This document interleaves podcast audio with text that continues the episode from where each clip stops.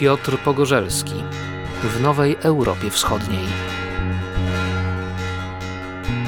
Na granicy Armenii i Azerbejdżanu regularnie dochodzi do wymiany ognia. Jednocześnie od jesieni działa formalnie zawieszenie broni. Moim gościem jest Wojciech Górecki z Ośrodka Studiów Wschodnich. Dzień dobry. Dzień dobry. Na początku przykład tylko z tego tygodnia. W środę na granicy z Azerbejdżanem doszło do wymiany ognia, w wyniku której zginęło trzech ormiańskich żołnierzy. O obrażeniach dwóch swoich żołnierzy poinformowało też Baku. Dlaczego dochodzi do tego rodzaju incydentów? No to musimy zacząć od e, zawieszenia broni po II wojnie karaibskiej karabaskiej, czyli od listopada zeszłego roku.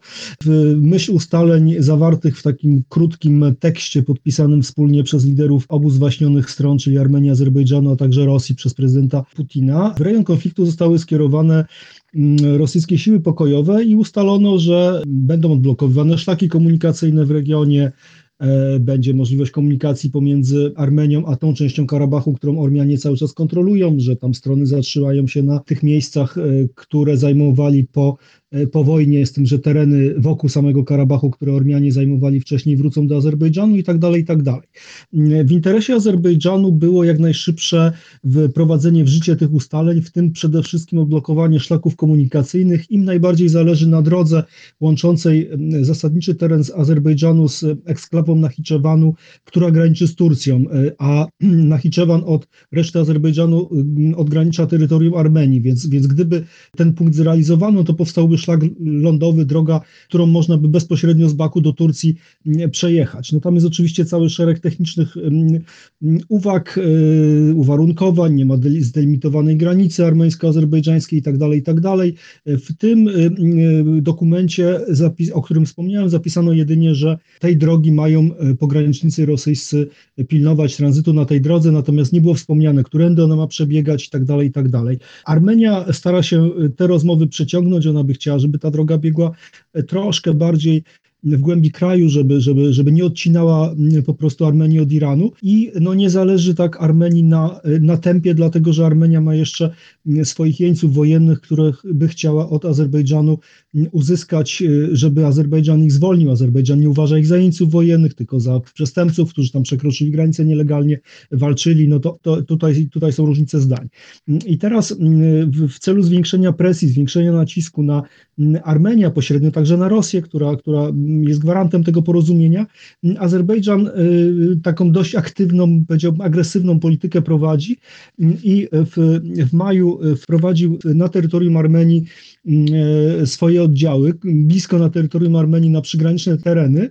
Armenia y, nie odpowiedziała jakoś ostro wojskowo, bojąc się prowokacji, natomiast oczywiście do jakichś wymian ognia dochodziło. Pierwszy, pierwszy, pierwszy żołnierz został, został wkrótce zastrzelony po wojnie, a to, co mieliśmy do czynienia w środę, to jest najpoważniejsza sytuacja, najpoważniejsza eskalacja od zeszłorocznej jesiennej wojny, no bo zginęło trzech żołnierzy, mamy, mamy kilku rannych i Mm, niewątpliwie to jest, to jest rzecz poważna, chociaż, y, chociaż mieści się w logice dotychczasowej eskalacji i y, wydaje się, że stronom nie zależy, zwłaszcza stronie oczywiście ormiańskiej, ale azerbejdżańskiej też nie, wydaje się, że nie zależy na ponownym konflikcie na większą skalę zbrojnym. A jaką rolę tutaj odgrywają wojska rosyjskie? Bo rzeczywiście one zostały tam wprowadzone, ale Paszynian mówi, premier Armenii Nikol Paszynian mówi o tym, że one powinny być bezpośrednio na granicy i bezpośrednio tam sprawdzać, czy też świadczyć o tym według niego, że to nie Ormianie pierwsi strzelają. Rosyjskie siły pokojowe są rozmieszczone w Karabachu i rozmieszczone są w tak zwanym korytarzu laczyńskim łączącym Karabach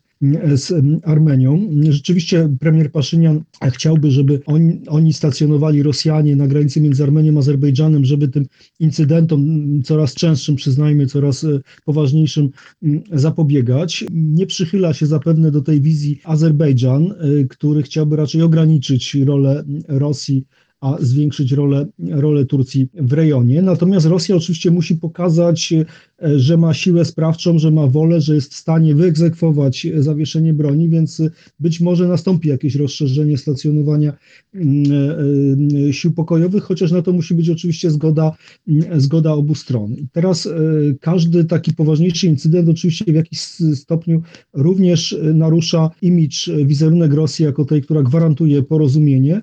No, nie może możemy wykluczyć takiej sytuacji, że Azerbejdżan po prostu sprawdza, czy też testuje, na ile Rosja jest zdeterminowana, żeby występować jako jako gwarant obecnej sytuacji i na ile można sobie po prostu, mówiąc kolokwialnie, pozwolić. Czyli to nie jest tak, że jedna i druga strona dąży, jedna albo druga strona dąży teraz do otwartego konfliktu, raczej jest to takie przeciąganie liny.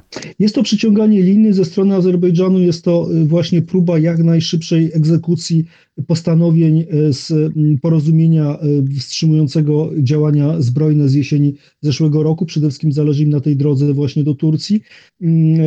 Nie chciałby Azerbejdżan, żeby znowu całe lata ten konflikt był co prawda na innym poziomie, ale znowu zamrożony. Mm, natomiast Armenia no, chciałaby, żeby przy okazji zbyt nie ucierpiały jej interesy, czyli na przykład, żeby ta droga nie przebiegała wzdłuż granicy mm, z samym Iranem, samym południem kraju, no bo wtedy to być może ograniczałoby kontrolę nad tą drogą. Y, Armenia by wolała, żeby ta droga gdzieś tam przez środek kraju mm, przebiegała. Armenii na pewno nie zależy na nowym konflikcie, ale wydaje się, że na nowym konflikcie nie zależy też mm, Azerbejdżanowi, który osiągnął bardzo, bardzo wiele. Co prawda się tam podnoszą głosy, że można było zająć cały Karabach, ale Azerbejdżan osiągnął y, bardzo wiele i teraz chce po prostu konsumować efekty zwycięstwa. A na ile ta sytuacja na granicy destabilizuje sytuację polityczną w samym Erywaniu? Czy teraz już nie jest to aż tak y, ważnym punktem. Jak się wydaje, te napięcia okresowe na granicy nie podważają pozycji premiera Paszyniana. Niedawno mieliśmy przyspieszone wybory, które w sposób zdecydowany partia Paszyniana, umowa społeczna mm, wygrała, y, otrzymując nowy mandat, wzmocniony mandat do do rządzenia. Ludzie chcą e, spokoju, stabilności, którą im w ich ocenie zapewnia Paszynian i oczywiście e, te wszystkie doniesienia e, bardzo, bardzo niepokoją, aczkolwiek właśnie narracja jest taka, że, że są tam rosyjskie siły pokojowe, że dzięki mediacji rosyjskiej te eskalacje udaje się jakoś tam opanować i nie wpływa to na przykład na wzrost popularności polityków bardziej radykalnych w rodzaju byłego prezydenta Roberta Koczariana, który mm, wybory przegrał i który właśnie odwołuje się do takiej bardzo ostrej retoryki rewanżystowskiej. Y, Paszynian bardziej mówi o takich kwestiach socjalnych, społecznych, o stabilności, o mm, bezpieczeństwie społecznym. Czyli można powiedzieć, że ta kwestia Karabachu już jest y, pewną taką sprawą zamkniętą w polityce ormiańskiej? Na pewno nie jest to sprawa zamknięta, y, no, bo konflikt nie jest rozwiązany, nie mamy jakiegoś porozumienia pokojowego, natomiast na pewno odeszła na dalszy plan, y, bo po prostu ta groźba wojny, która mm, wisiała przez, przez 30 lat nad, nad Armenią, no, no po prostu już nie wisi. Ona się zrealizowała, stała się. Ormianie stracili kontrolę nad bardzo dużymi obszarami, które kontrolowali, ale coś tam im jeszcze zostało. E, natomiast w tej chwili e, właśnie spadło to napięcie związane z tym ciągłym oczekiwaniem na, na wojnę, na to, że się coś wydarzy. Teraz jest przekonanie, że co się miało złego wydarzyć, to się już wydarzyło. Teraz trzeba się skupić na sobie, budować, wzmacniać państwo. No, a są jakieś nadzieje jeszcze na powrót tego terytorium? Nadzieje na pewno są. E, no, konflikt jest nie, niezakończony. Armenia by z pewnością chciała, żeby Ormianie kontrolowali nie tylko Stepanakert i tą północną część Karabachu, ale, ale cały Karabach, no bo tereny dookoła Y, no to one były taką kartą przetargową. To była świadomość, że je trzeba w zamian za jakieś tam porozumienie kiedyś, y, kiedyś oddać. One nie, nie są etnicznie ormiańskie, natomiast oczywiście takie miejsca jak Szusza y, czy południowy Karabach, które przeszły pod kontrolę Azerbejdżanu, no to, to oczywiście Ormianie uważają za swoje i nie wyobrażam sobie, żeby pogodzili się z ich utratą, ale to już będzie raczej, przynajmniej na obecnym etapie, takie nostalgiczne wspominanie i może rozpamiętywanie, co nie tak zrobiono, że dopuszczono do utraty kontroli nad tymi ziemiami. Natomiast y, no i w przyszłości, że, że, że oczywiście, jeżeli sytuacja się y, poprawi na korzyść Armenii, to, to, to, to być może kiedyś tam wrócimy. Natomiast nie będzie to takie, przynajmniej w ormiańskim y, głównym nurcie myślenia o Karabachu, nie będzie to takie odwetowe czekanie na jak, na jak najszybsze wkroczenie tam z bronią w ręku, tylko raczej czekanie na dogodny moment w historii w przyszłości. A co się dzieje w tej części Karabachu, która została e, zdobyta czy też przejęta e, przez Azerów? Jak teraz tam wygląda sytuacja? No ten Karabach, który, który e, strona azerbejdżańska zdobyła, no bo to, to zdobyła siłą zbrojną, bo część terenów dookoła po prostu prze, przeszła pod ich kontrolę na mocy porozumienia, to tam odbywa się rozminowywanie i przede wszystkim budowa infrastruktury, czyli połączeń drogowych na przykład zresztą Azerbejdżanu budowane są zwłaszcza drogi, ta infrastruktura, bo pamiętajmy, że formalnie należący do Azerbejdżanu Karabach no, pozostawał poza organizmem państwowym azerbejdżańskim przez ostatnie prawie 30 lat, od początku lat 90. W związku z tym no, wszelkie więzy łączące ten teren z Baku z, z resztą kraju przestały istnieć, więc, więc jest budowa infrastruktury, w planach jest lotnisko, odbudowa. W dalszej kolejności pewnie będzie zasiedlanie tego terenu, czy też powrót tych, którzy zostali stamtąd wyrzuceni 30 lat temu, ale na razie tam nie ma wjazdu swobodnego ze strony Azerbejdżanu. Na razie jest właśnie rozminowywanie e, i budowa takiej podstawowej infrastruktury. Również urządza się tam takie wizyty studyjne, na przykład dla dyplomatów akredytowanych w Baku, pokazuje się im te, te, te tereny.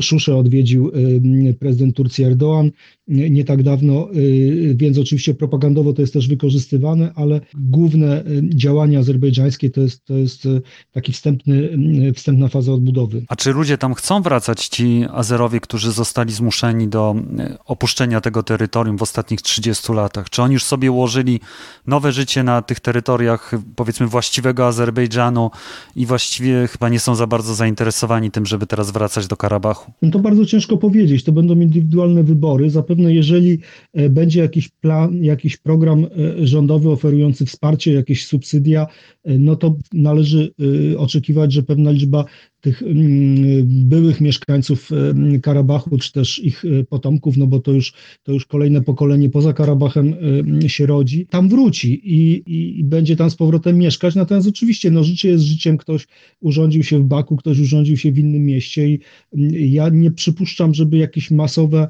masowy powrót nastąpił, natomiast, natomiast stopniowo, stopniowo właśnie jeśli będzie wsparcie rządowe, to na pewno, na pewno taki ruch będzie y, natomiast za wcześnie mm, wyrokować, jaka to będzie skala, ile tych osób wróci, w jakim czasie i y, do których y, miejsc. No też będzie zależeć od tego oczywiście, jak Karabach będzie odbudowywany. No tak, bo mogą to być też Azerowie, którzy wcześniej tam nie mieszkali, a zachęceni właśnie jakimiś programami mogą teraz przyjechać. Wojciech Górecki, Ośrodek Studiów Wschodnich, bardzo dziękuję. Dziękuję bardzo.